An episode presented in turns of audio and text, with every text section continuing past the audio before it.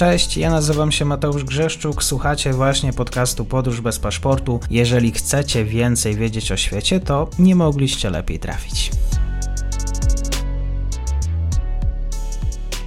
Partnerem odcinka jest Oanda, TMS Brokers, dom maklerski obecny na rynku już od ponad 20 lat. W opisie odcinka znajdziecie link do aplikacji, której możecie otworzyć konto maklerskie i grać na giełdzie, a wcześniej potrenować na koncie demonstracyjnym. Jeżeli otworzycie konto za pośrednictwem tego linku, dostaniecie na start książkę o tematyce inwestycyjnej. Zapraszam, Mateusz. Dzień dobry Państwu, dzień dobry wszystkim słuchaczom. Dzisiaj rozmawiamy o technologii. Kolejny odcinek e, o czacie GPT. E, ostatnio rozmawiałem o tym z Igorem, dzisiaj ponownie Igor Szpotakowski, Uniwersytet Jagielloński, Newcastle Law School. Dzień dobry, kłaniam się. Dzień dobry, dzień dobry Państwu. Tak, dzisiaj będziemy rozmawiać o Japonii, ale jeszcze zadam przed, czy w jakiś sposób y, spotkałeś się o tym, że sztuczna inteligencja, czy to właśnie ChatGPT jest wykorzystywany w administracji? Tak, takie głosy są e, czy właśnie pierwsze próby już od co najmniej lutego 2023 roku. Teraz też Wielka Brytania wysłała właśnie takie różne próby, żeby zapytania, żeby sprawdzić, czy to jest w ogóle legalne, żeby urzędnicy mogli używać e, czatu GPT. Mm. Oficjalnie uznaje się, że w Dubaju, że Dubaj właśnie jedna z tych agencji zajmująca się tam e, tak naprawdę przedsiębiorstwo zajmujące się elektrycznością i obsługą, e, doprowadzaniem wody w Dubaju ogłosiło, że pracuje nad wzbogaceniem swoich usług właśnie o technologię wykorzystującą chat GPT mm, we współpracy z Microsoftem, e, żeby przyspieszyć tą komunikację z klientami i świadczyć jak najlepsze te usługi więc to było najpierw w Dubaju, potem też bardzo szybko Singapur.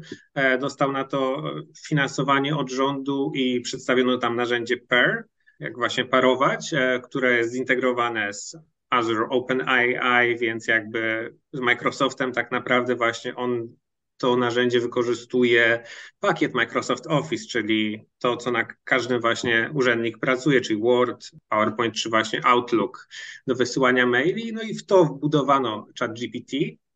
E, ale to jest pilotażowe i tak naprawdę oficjalne wyniki będą w najbliższych miesiącach. Być może w maju jeszcze, może w czerwcu. E, w Singapurze to 1500, e, czy przepraszam, 150 tysięcy urzędników E, ten pilotaż e, testuje obecnie.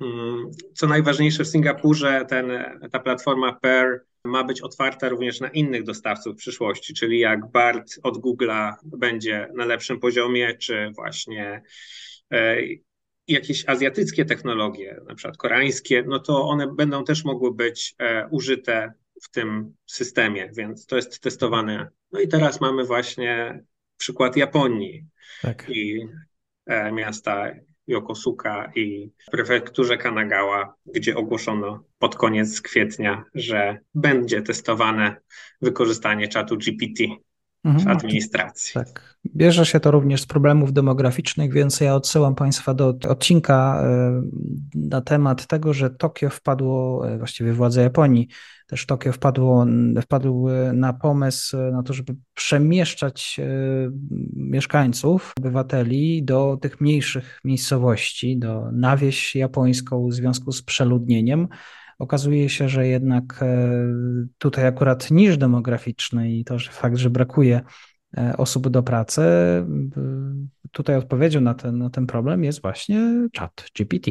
Tak, no zresztą same miasto e, Yokosuka, które znajduje się 70 kilometrów na południe od Tokio, czyli z perspektywy azjatyckiej całkiem niedaleko, mm, co do tych odległości, tam zaproponowano właśnie wykorzystanie czatu GPT w administracji rządowej, właśnie tej lokalnej tam, mm, czyli około 4000 urzędników e, będzie to dotyczyło.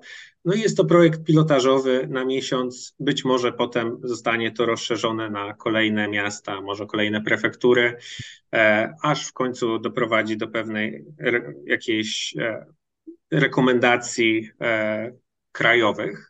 Co najważniejsze, nie możemy na to patrzeć z perspektywy, że to jest zabieranie miejsc pracy, bo jakby jest niż demograficzny w Japonii i to narzędzie jest reklamowane jako właśnie usprawnienie tych e, urzędników, których już mają, żeby po prostu oni szybciej pracowali, więc jakby i tak nie stworzono by nowych miejsc pracy, niekoniecznie to doprowadzi do zwolnień, ale pozwoli ten pewien e, zastój administracji przyspieszyć, żeby właśnie mogli szybciej e, przygotowywać maile, żeby mogli edytować dokumenty, tworzyć prezentacje, jeśli mówimy właśnie o tej czwartej wersji czatu GPT, który we wbudowanej w Microsofta, e, żeby właśnie usprawniała tą, e, to funkcjonowanie urzędu ta technologia, a niekoniecznie zastępowała tych urzędników, bo ostatecznie ta odpowiedzialność wciąż na tych urzędnikach pozostaje. Oni muszą to zweryfikować, co wysyłają, ale mają więcej czasu, żeby zająć się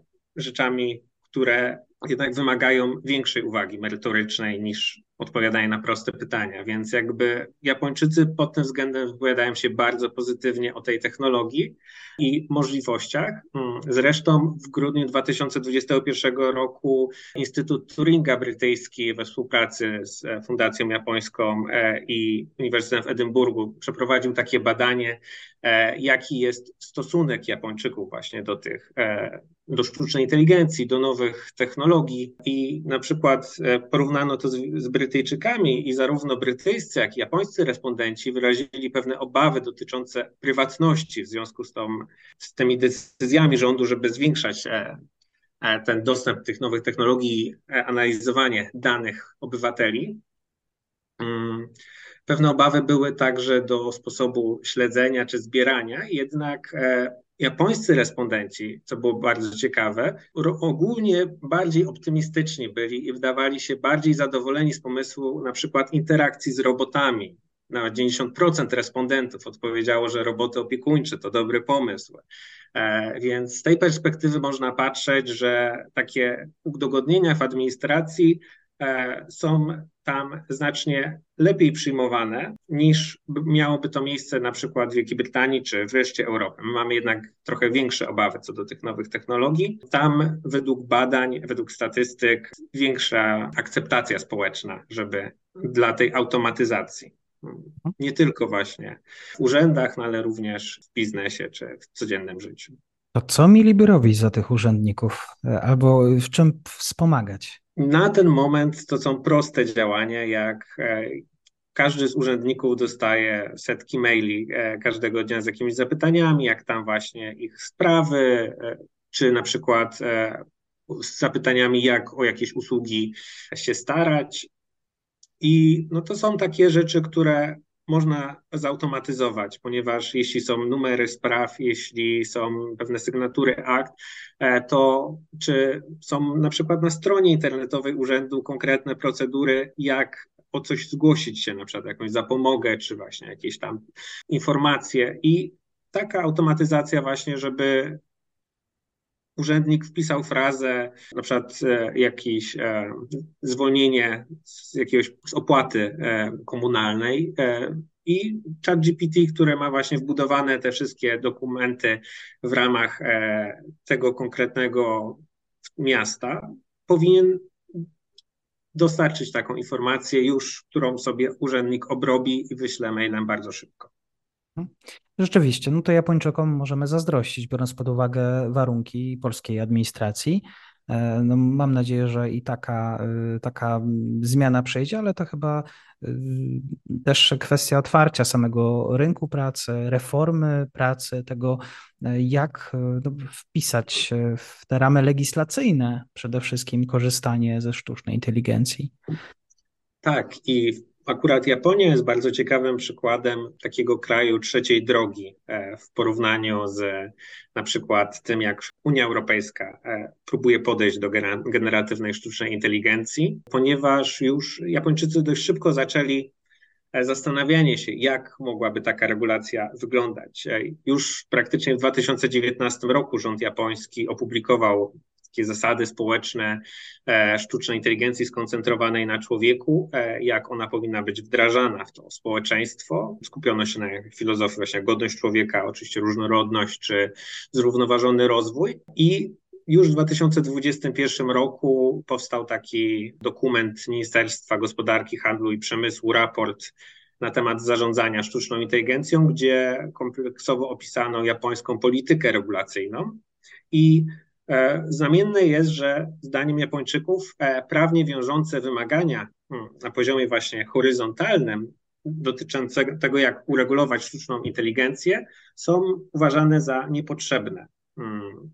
Dzieje się to dlatego, że zdaniem Japończyków takie przepisy napotkają trudności co do właśnie szybkości wdrażania innowacji, e, a także mogą być one po prostu zwalniają gospodarkę, a można poszczególne rzeczy już e, zinterpretować i jest pewna kontrola dzięki przepisom właśnie jakimś sektorowym, tak na przykład ustawa o prawie autorskim ma fragmenty dotyczące wykorzystania danych w uczeniu maszynowym, handel e, elektroniczny też ma pewne rzeczy, które są uregulowane mm, w tej kwestii. Ustawa o instrumentach finansowych wymaga od firm zajmujących się szybkim handlem algorytmicznym rejestracji w rządzie, więc Japończycy uważają, że nie potrzebują takiej ogólnej regulacji dla tych technologii. Bardziej ich zdaniem wystarczą jakieś przepisy sektorowe, czy tak zwane soft law, czyli samoregulacja, żeby po prostu firmy żeby przestrzegać ogólnie, ogólnych zasad prawa japońskiego, same dopilnują tego, żeby te technologie były, były w ramach tego. Inaczej mogą się spotkać z konsekwencjami. Więc taka jest polityka, to jest polityka dość liberalna w tej kwestii, no ale e, zdaniem Japończyków działa, no i jakby oni są otwarci na te zmiany. Kolejnym właśnie takim przykładem jest E, nowelizacja ustawy Prawo o ruchu drogowym, gdzie już w 2020 roku umożliwiono, żeby na drogach pojawiły się zautomatyzowane pojazdy, wtedy jeszcze poziomu trzeciego, bo jest e, sześć poziomów automatyzacji pojazdów. Zero to jest w pełni manualny, takie jak były 20-30 lat temu. Piąty poziom e, to jest pełna autonomiczność. Trzeci poziom wtedy w 2020 oznaczał automatyzację warunkową, czyli jakieś wspomaganie kierownicy. Teraz e, od 1 kwietnia 2023 roku weszedł czwarty poziom, czyli wysoka automatyzacja. Już auto może samo jechać. Oczywiście wymaga, żeby ktoś siedział i kontrolował, no ale już odważono się, Japończycy odważyli się, żeby takie auta dopuścić e, na drogach, e, co oznacza, że naprawdę są otwarci i naprawdę przodują w niektórych tych rozwiązaniach. Więc e, podejrzewam, że mm, ten pilotaż, program pilotażowy, żeby zautomatyzować trochę mm, działania urzędników, okaże się sukcesem. Największą obawą jest właśnie kwestia ochrony danych, kwestia transparentności, ale tak samo w Singapurze, jak również w Japonii, szuka się takich rozwiązań technologicznych, żeby te dane były chronione, a z drugiej strony, żeby dopuszczać użycie takich technologii przez urzędników, no bo jest e, ich za mało, mhm. Mm, są przepracowani i to może mieć dobry wpływ. Taką ciekawostką jeszcze z Azji, a propos właśnie, bo pytałaś na początku, jak to wygląda w administracji publicznej, może nie taki typowy przykład, ale z Chin, gdzie jak ostatnio rozmawialiśmy, wspominałem, że GPT jest po prostu zablokowany. Teraz, dosłownie na początku maja, wszyscy pracownicy i studenci Uniwersytetu Pekińskiego dostali maila, że będzie program pilotażowy dla tysiąca użytkowników, żeby wykorzystywać ChatGPT. Oczywiście kontrolowany pod, pod kontrolą właśnie technologiczną rządu chińskiego, ale jednak, żeby otworzyć się na wykorzystywanie go, dopóki jeszcze nie ma tych modeli e, lokalnych e, w pracy naukowej. Więc tych inicjatyw będzie coraz więcej, pomimo tego, że pewne obawy co do tej ochrony danych, czy właśnie transparentności, czy tego, jak one są przetwarzane i jakie dane e, są e, zasysane przez te systemy do tych baz, budzą wciąż pewne pytania, budzą pewne kontrowersje, ale powoli, krok po kroku regulujemy to, w jaki sposób zaczynamy to kontrolować, więc e, podejście japońskie, żeby chociaż spróbować, jak to będzie działało, jest na pewno bardzo ciekawe i będzie uważnie obserwowane przez inne państwa na świecie, ponieważ nawet jeśli to nie będzie ten konkretny ChatGPT, tylko być może w przyszłości jakieś inne technologie jakichś innych firm, tak jak ten BART od Google'a czy e, Nowa Studio od południowo-koreańskich deweloperów zostaną zaimplementowane, to jednak zrobiono już ten pierwszy krok, żeby to przetestować, jak to działa. Jakby Japonia, gdzie jest tak duży procent akceptacji społecznej dla takich decyzji, jest świetnym miejscem, żeby to zacząć. Jeżeli słyszą nas jacyś decydenci, to oczywiście e, warto wprowadzić. Igor Szpadakowski, kłaniam się. Dziękuję za dzisiaj. Dziękuję bardzo. I to już koniec na dzisiaj. Zapraszam na profil podcastu Podróż bez paszportu na Facebooku, Instagramie i Twitterze. Zachęcam też do wsparcia mojej pracy na serwisie Patronite oraz Buy Coffee. Do usłyszenia.